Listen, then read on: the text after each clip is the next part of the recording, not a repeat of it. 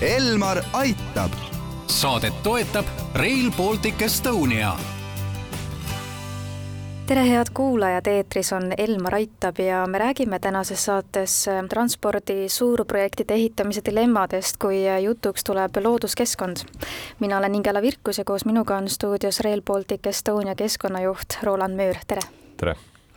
Euroopa Liit on kuulutanud kahe tuhande kahekümne esimese aasta Euroopa raudteeaastaks, et propageeridagi just siis seda ohutu ja säästva transpordivahendi ehk rongi kasutamist. et ähm, raudteest räägitakse kui kõige keskkonnasõbralikumast transpordiviisist, millest see tuleb, et kui võrrelda seda siis näiteks maanteesõidukite või äh, lennundusega? mida me tänapäeval kõige rohkem keskkonnateemadel, millest me räägime, see on erinevate transpordiliikide äh, süsihappegaasi emissioon ja kui me võrdleme nüüd äh, Rail Baltic raudteed, mis hakkab siis äh, põhinema elektrienergial, siis need emissioonid on kindlasti elektriraudtee ehk siis äh, Rail Balticu kasuks. ehk kui väga lihtsalt välja tuua, et kui me võrdleme näiteks diiselrongiga, siis diiselrongi puhul on CO2 jalajälg, CO2 emissioon on viis korda kõrgem. kui võrdleme maanteega, me räägime nüüd mitte reisirongiliiklusest, vaid transpordist, kaubatranspordist, siis seal on see vahe kümnekordne kui võtame reisijad, siis reisijad tihtilugu võrdlevad äh, taolist kiirraudteed äh, lennuliiklusega, lennuliikluse vahe võib olla siin viisteist korda äh, praegustel andmetel. ehk muidugi need vahed sõltuvad hästi paljudest asjaoludest, sõltub ka kindlasti sellest, et kus see kaup või kuskohast reisija nagu oma teed alustab, neid nüansse on hästi palju, aga laias laastus saame öelda jah, et elektriraudteel on suured eelised samas mulle tundub, et kui mujal maailmas sellest räägitakse, et äh, raudteetranspordi näol on tegemist äh, jätkusuutliku liikumisviisiga, siis meil Eestis päris nii nagu ei kiputa arvama, et et äh, oskate te öelda, miks see nii on? kui räägime mingisuguse transporditaristu loomisest, siis ega kohe esimesest päevast ei teki meil võidud ehk selleks, et mingit uut transporditaristut turule tuua, selleks kindlasti tuleb tekitada ka nii-öelda lokaalset keskkonnakahju. ehk igasuguse uue ehitise rajamine see on kindlasti koormus keskkonnale ja seda näeb siis kõige selgemalt seesama kohapealne elanik, kelle kodu uksest see raudteetaristu siis näiteks mööduma hakkab.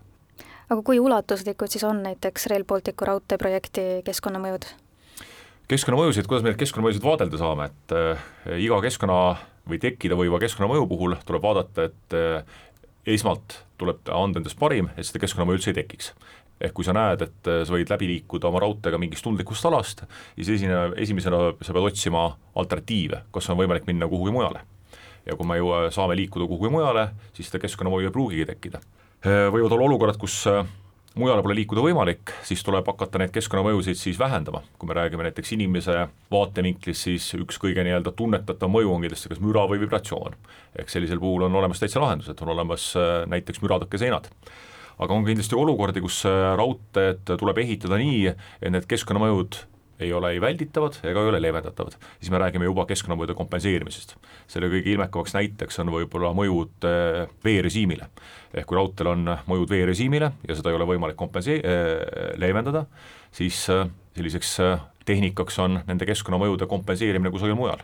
näiteks rabade näol, võttes ette rabade taastamise mingis raudtee naabrusalal on võimalik seda tekkinud keskkonnakahju siis hüvitada. Aga kuidas ikkagi selliseid keskkonnamõjusid hinnatakse, et kes neid hindab, sest et natuke on nagu kriitikat ju tulnud ka selles osas, et kodanikke ja kogukondi pole võib-olla sellistesse aruteludesse piisavalt kaasatud? kes hindavad, et need mõjud, millest me räägime, need on kohati väga spetsiifilised Eestis on äh, keskkonnamõju hindajatele omad nõuded, ehk keskkonnamõju hindaja peab läbima koolitused, tal peab olema praktika ja kui need eelnevad nõuded on täidetud, siis ta peab äh, litsentsi saamiseks äh, osalema eksamil. Ja saama sealt positiivse tulemuse, siis on tal võimalik hakata töötama keskkonnamõju hindamise eksperdina. ja et teadmised oleks veel paremad, siis kohe litsenseeritud ekspert kaasab enda meeskonda kõikide vajalike teemade erialaeksperdid, kes annavadki siis sisendit kui me räägime nüüd ja tuleme tagasi selle keskkonna aspekti juurde, siis me ei saa ju tegelikult ainult rääkida trassi ehitamisega seotud mõjudest, sest et oma mõju avaldavad ju ka müratõkked ja massiivsed viaduktid ja nii edasi, et milline võib-olla on või mis oleks üldse need veelgi suuremad ja kui me vaatame veel kaugemale, suuremad mõjud, positiivsed või siis negatiivsed?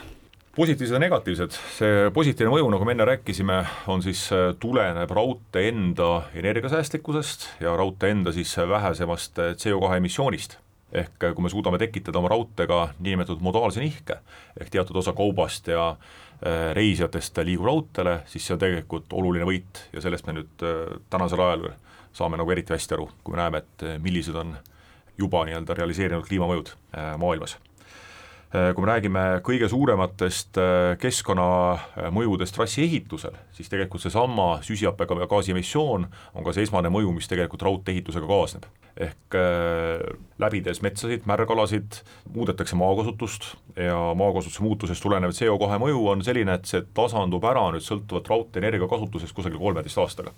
aga selle võib tuua kindlasti välja ühe, ühe sellise nii-öelda olulise mõjuna millest on hästi palju juttu, on eh, siis eh, elus loodusele tekitatud barjääriefektist, ehk me tegelikult ehitame terve riigi pikkuses taristu, mis on ääristatud aedadega ja on küsimus, kuidas erinevad loomarühmad suudavad seda läbida.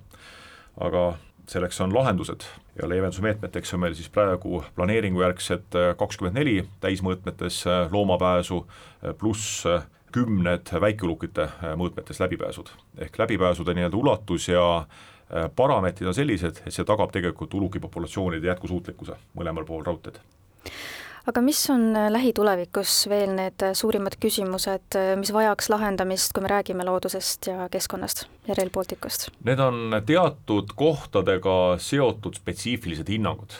Siia stuudiosse tulles viimane, mis meil nagu diskussioonis pooleli jäi, on näiteks see, et milline on täpne äh, müra normtase metsis elupaikades. ehk väga paljude meetmete rakendamiseks ei pruugi meil olla ülimalt punktuaalset, täpselt toimivat lahendust. siis me peame kasutama neid teadustöid, mis laias maailmas on juba toodetud, pluss ekspertarvamusi. ja see on nüüd üks näide sellisest ühes konkreetses ruumikohas tehtava töö osas, mis veel käib aitäh teile saatesse tulemast, Rail Baltic Estonia keskkonnajuht Roland Müür ning palju jõudu teile! Läheb tarvis, aitäh! Elmar aitab. saadet toetab Rail Baltic Estonia